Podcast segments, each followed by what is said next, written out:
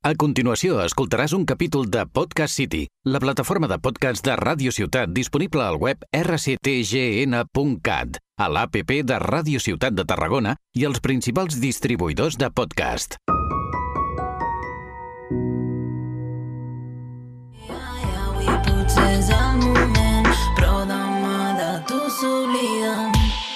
Créixer confiant en el demà,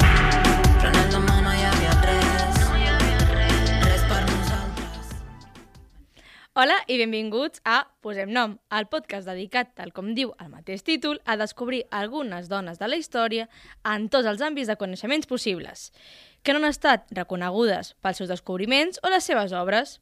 Algunes d'elles no estan reconegudes perquè van signar els seus projectes amb el nom dels seus marits. D'altres dels projectes els hi van ser robats o es van fer famosos sense donar-los crèdit o perquè en el segle en el qual vivien doncs no era ni possible pensar en la societat que les dones poguessin fer aquestes coses, no?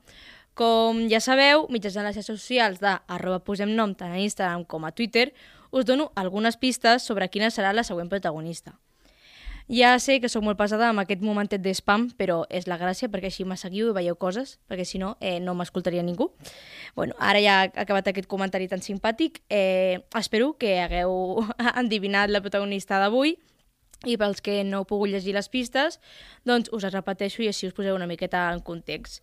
Bueno, la dona d'avui està ciutada per fi l'edat mitjana i hem deixat enrere l'edat antiga, tant que us heu queixat de que era una pesada. Eh, ja ha passat una miqueta més endavant, ja sé que no és suficient per tothom, que voldríeu que passés més, més, més endavant, però eh, el podcast és meu i jo decideixo de què parlo, no? Eh, I l'altre és que es tracta d'una reina, igual que Boudica, de fa uns dos capítols, doncs tornem a parlar d'una reina.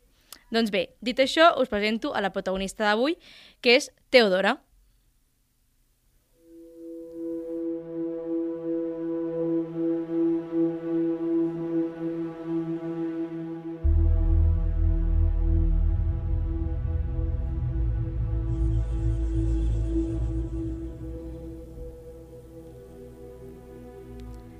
Nascuda al 500 després de Cris, o bé a Xipre o bé a la província romana de Síria, que no és el mateix que l'actual Síria, i morta el 28 de juny de 1548 a Constantinoble, l'actual Istanbul, Teodora va ser l'esposa de Justina I i Emperatriu Bizantina.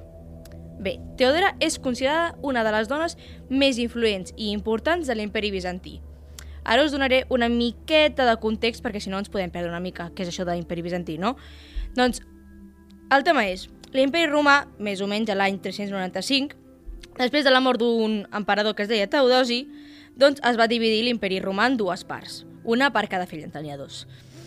I, doncs això, va quedar un que era l'imperi romà d'Occident, el clàssic, el que coneixem tots, que és el que va, eh, estudiem que va caure el 476, que van entrar els bàrbars i van conquerir i tal, i que marca doncs, l'inici del pas de l'edat antiga a l'edat mitjana, i després hi havia l'altra part, que és la de l'imperi romà d'Orient, que a partir d'aquell precís moment es va començar a anomenar imperi bizantí, que és el que estem parlant avui, i que va sobreviure tota l'edat mitjana fins al 1453, que és quan va caure Constantinoble en mans de l'imperi otomà. I ara una petita anècdota sobre aquesta data és que alguns experts marquen aquesta data, el 1453, com la fi de l'edat mitjana i el pas a l'edat moderna, mentre que altres marquen el, 4, el 1492, que és quan va haver el descobriment d'Amèrica, com a pas entre aquestes èpoques. Totes dues opcions són vàlides pels experts i llavors ja ve aquí cadascú qui vulgui decidir quina data li agrada més o quin esdevent històric li agrada més per diferenciar les èpoques. Ara ja deixem les històries generals i anem a centrar-nos en la protagonista d'avui, que és pues, Teodora, i, com sempre, doncs, per què vinc a parlar d'aquestes persones, no? Doncs perquè, com ja sabeu, el que més odio en aquesta vida és la difamació. I tornem una altra vegada amb el mateix cas de Safo, que no suporto llegir coses dolentes de les persones a les quals, de les quals que parlo. O sigui, sí que no tothom són angelets baixats del cel, però almenys doncs, una miqueta de rigor històric, que no tot sigui dolent, no?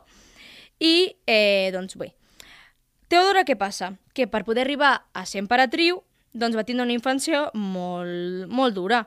El seu pare, que es deia Acacio, era eh, entrenador d'ossos a l'hipòdrom de Constantinoble i la seva mare era ballarina i actriu. I Teodora es va passar tota la seva infància vivint als soterranis de l'hipòdrom de Constantinoble, que com que era una estructura molt important, la majoria de gent de classe baixa vivia allà perquè era, doncs, sempre hi havia curses i llavors tota la, la gent vivia allà perquè tots tenien, si uns eren àurigues, els altres eren entrenadors de cavalls, els altres eren no sé què, vull dir, estava tota la societat baixa envoltant l'hipòdrom i relacionada amb tota aquesta zona. I què li passa a Teodora? Doncs que després de que es morís el seu pare, la seva mare se va tornar a casar amb un senyor que va fer tenia la mateixa feina que el pare de Teodora, que era, doncs, entrenar ossos, i això doncs, va permetre que Teodora i les seves dues germanes doncs, continuessin vivint allà en l'hipòdrom.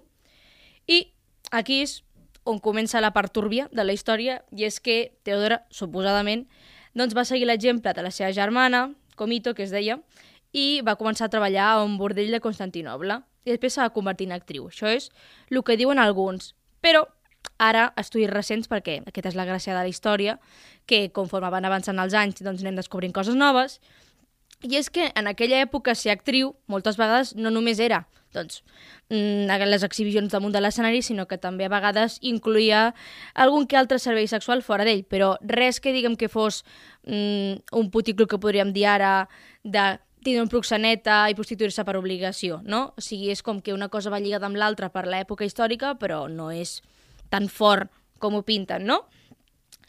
I, doncs, Teora es va guanyar la vida mitjançant aquesta combinació de doncs, habilitats teatrals, perquè era actriu, i sexuals en alguns casos, no?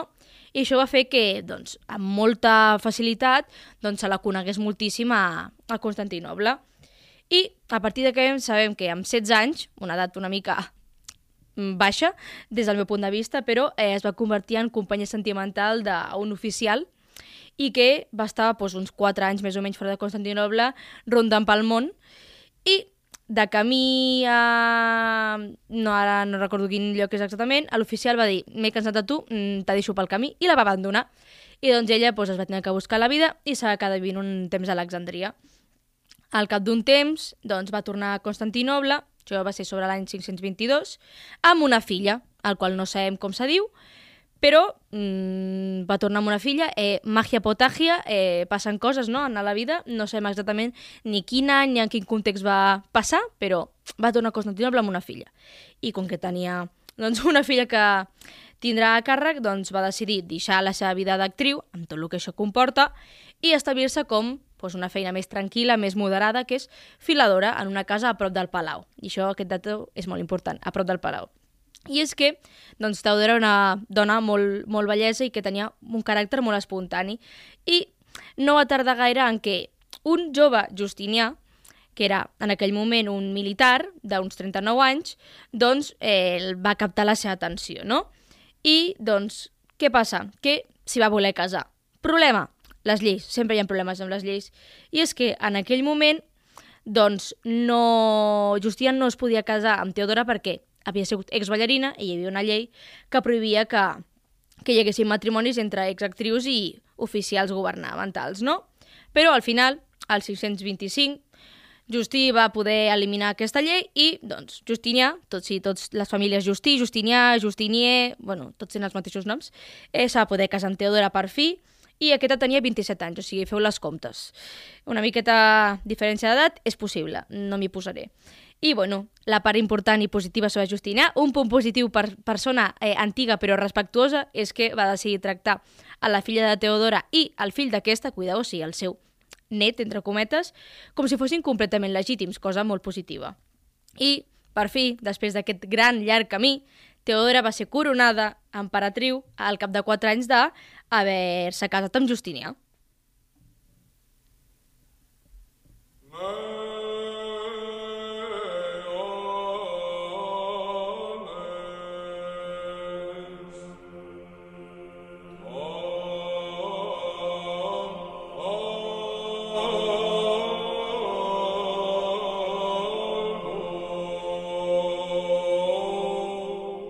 I ara passant a la part positiva de la seva figura és que hem de ressaltar que Teodora va ser una governant molt valuosa i apta, qui va resoldre molts conflictes, entre ells els disturbis de Nicà, que van ser uns enfrontaments que van sortir de problemes entre faccions rivals en, en l'hipòdrom. I és que Com molts sabeu, en l'imperi romà hi havia carreres d'àurigues en els hipòdroms i hi havia diverses seccions, no? Vull dir, cada equip tenia un color i doncs unes persones i tot, hi havia tot com un, no culte, però com uns seguidors. Podríem dir que és com si fos el futbol d'ara, no? que hi ha doncs, els hinxes de cada equip i que doncs, a vegades hi ha ultres que són super a tope d'aquell equip. No? Doncs en aquella època era el mateix, però amb, a les carreres de cavalls. No? I doncs van haver-hi uns problemes en què dues faccions rivals, els verds i els blaus, doncs mm, van tenir problemes i això va esclatar més enllà de l'hipòdrom i va acabar convertint-se en un moviment d'agitació política i conflictes bastant xungos amb Teodora i Justinià, no? I Justina, que era una mica cagadet, eh, volia mm, marxar de Constantinoble, abandonar la ciutat per por que passés alguna cosa, però Teodora, que tenia doncs, un caràcter una mica potent, va dir que eh, d'allà no es movia ningú i que eh, era millor morir sent emperador i lluitant per defensar el tron que morir-se en l'exili o viure en l'exili de per vida, no? I aquesta idea, és molt important, s'ha transformat en una cita molt important que és la porpra és una excel·lent mortalla. Això ho podeu trobar a bastants llibres d'història, és una dita bastant eh, important i és doncs, que significa justament això, que més val eh, quedar-se a, a, en el tro relacionat amb que la porpra era un tint molt car en aquella època que només podien pagar reis o nobles de molta alçada i mortalla, doncs, evidentment, és aquesta tela que envolta a una persona que, que s'ha mort, doncs és aquesta metàfora, no podríem dir. I aquí és la part important i és que els historiadors doncs, estan totalment tots d'acord en que gràcies a Teodora doncs, va salvar el regnat de Justina perquè podria haver acabat la cosa eh, molt malament, no? Un altre punt molt important és que, juntament amb el seu marit, van reconstruir i reformar tota Constantinoble i la van convertir en una ciutat super xula per l'època i reconstruint i construint una altra vegada aquaductes, ponts, esglésies que havien quedat destruïts després dels disturbis aquests, no? I aquí és on ve la part important de per què he volgut parlar d'ella, i és que Teodora és una referent pels drets de les dones. Sí, no us espanteu, una senyora de fa eh, 50.000 anys, eh, doncs sí. I és que Teodora va aconseguir fer lleis que prohibien la prostitució forçosa, va tancar bordells que incomplien aquestes normes, va crear un convent perquè les prostitutes poguessin mantenir-se sense tindre que tindre un proxeneta, va expandir els drets de la dona en cas de divorcis, en cas de la propietat, va posar pena de mort als violadors, va prohibir que els bebès eh, no desitjats els abandonessin, li va donar a les mares a eh, la custòdia dels seus fills i va prohibir l'assassinat de les dones que haguessin comès adulteri. A més a més, també va intentar erradicar la prostitució completament, va rescatar moltíssimes noies que estaven en aquest ofici i li va oferir una dot per facilitar que es poguessin casar. I si això en plan, no li interessava i volien continuar exercint la prostitució de forma voluntària, doncs els buscava llocs resentats per elles mateixes perquè no estiguessin explotades. Vull dir, tot això, la veritat és que s'ha de confessar que és possible que fos perquè a la seva pròpia joventut va veure quin era el panorama i va dir pues, la veritat, ara que jo puc fer alguna cosa al respecte, doncs ho faig, no podríem dir. I també va derogar la llei que prohibia la unió entre homes eh, nobles i dones plebees, cosa que va això, doncs clar, que no, una dona pobra no se pogués casar amb una persona una mica de més alto standing feia que les dones se quedessin en la pobresa i això doncs, va aconseguir treure això i que moltes dones poguessin començar a pujar escalafons de la, de la societat. I també va aconseguir que eh, les dones fossin propietàries i hereves de ple dret i va millorar també l'assistència d'atenció a la salut femenina. Totes aquestes lleis van quedar integrades en el que es diu Corpus Iuris Civilis. Eh, ja sabeu que jo, eh, quan he de llegir coses en llatí, costa, perquè pues, no tinc ni punyetera idea, ho faig el millor que puc. Eh, encara que, siguem sincers, eh, efectes pràctics, aquestes lleis com que no s'acomplien gaire, però bueno, l'intent està allà, no? Vull dir, com a resultat de tots els esforços de Teodora, doncs la, la dona doncs, en l'imperi bizantí, en aquell moment eh, doncs, era un dels millors moments de la dona i on més drets tenien de tota Europa, imagineu-vos. I ara us donaré unes petites dades així artístiques que a mi m'agraden donar-vos a vegades, i és que si voleu veure una imatge de Justinià i de Teodora, la podeu trobar en uns mosaics que es troben a l'església de Sant Vital de Ravenna, Itàlia. Són aquells mosaics que surten a tots els eh, llibres d'història de l'ara al batxillerat o els llibres d'història de l'ESO, que són aquells Sí, són aquells mosaics que surten ella i ell, en dos mosaics separats, rotejats de gent, i ells vestits de color porpra, que també això ho faig i filant amb el que he comentat abans, no? I, eh, en resum, Teodora va ser emperatriu des de l'1 d'agost del 1527 fins al dia de la seva mort, el 28 de juny del 1548, encara que no sabem quina va ser la seva eh, mort exacta, si va ser per pesta bubònica o per càncer de mama, però lo important és que va ser una gran figura de l'imperi bizantí i que, des de finals del segle XX, també és considerada una pionera del feminisme, ja que doncs, va redactar lleis molt importants eh, i destinades a augmentar els drets de les dones en aquell moment. Tan important fins i tot és la seva figura que és santa a l'Església Ortodoxa i el seu dia es celebra el dia 14 de novembre, fa un meset o així, quan escolteu aquest programa.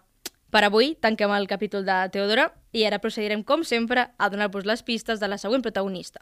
I és que la següent està a l'edat mitjana, ens quedarem una estoneta a l'edat mitjana, però canviem una mica de panorama i és que la següent protagonista no és europea. I l'altra pista és que és una poetesa. Tal com ja sabeu, mitjançant les xarxes socials de arroba posem nom tant a Instagram com a Twitter, doncs us aniré recordant les pistes abans de publicar el següent capítol, no? Espero que us hagueu passat bé, que heu après coses noves i ens veiem en el pròxim programa.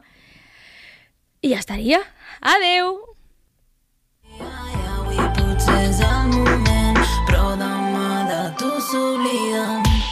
Vam créixer confiant en el demà,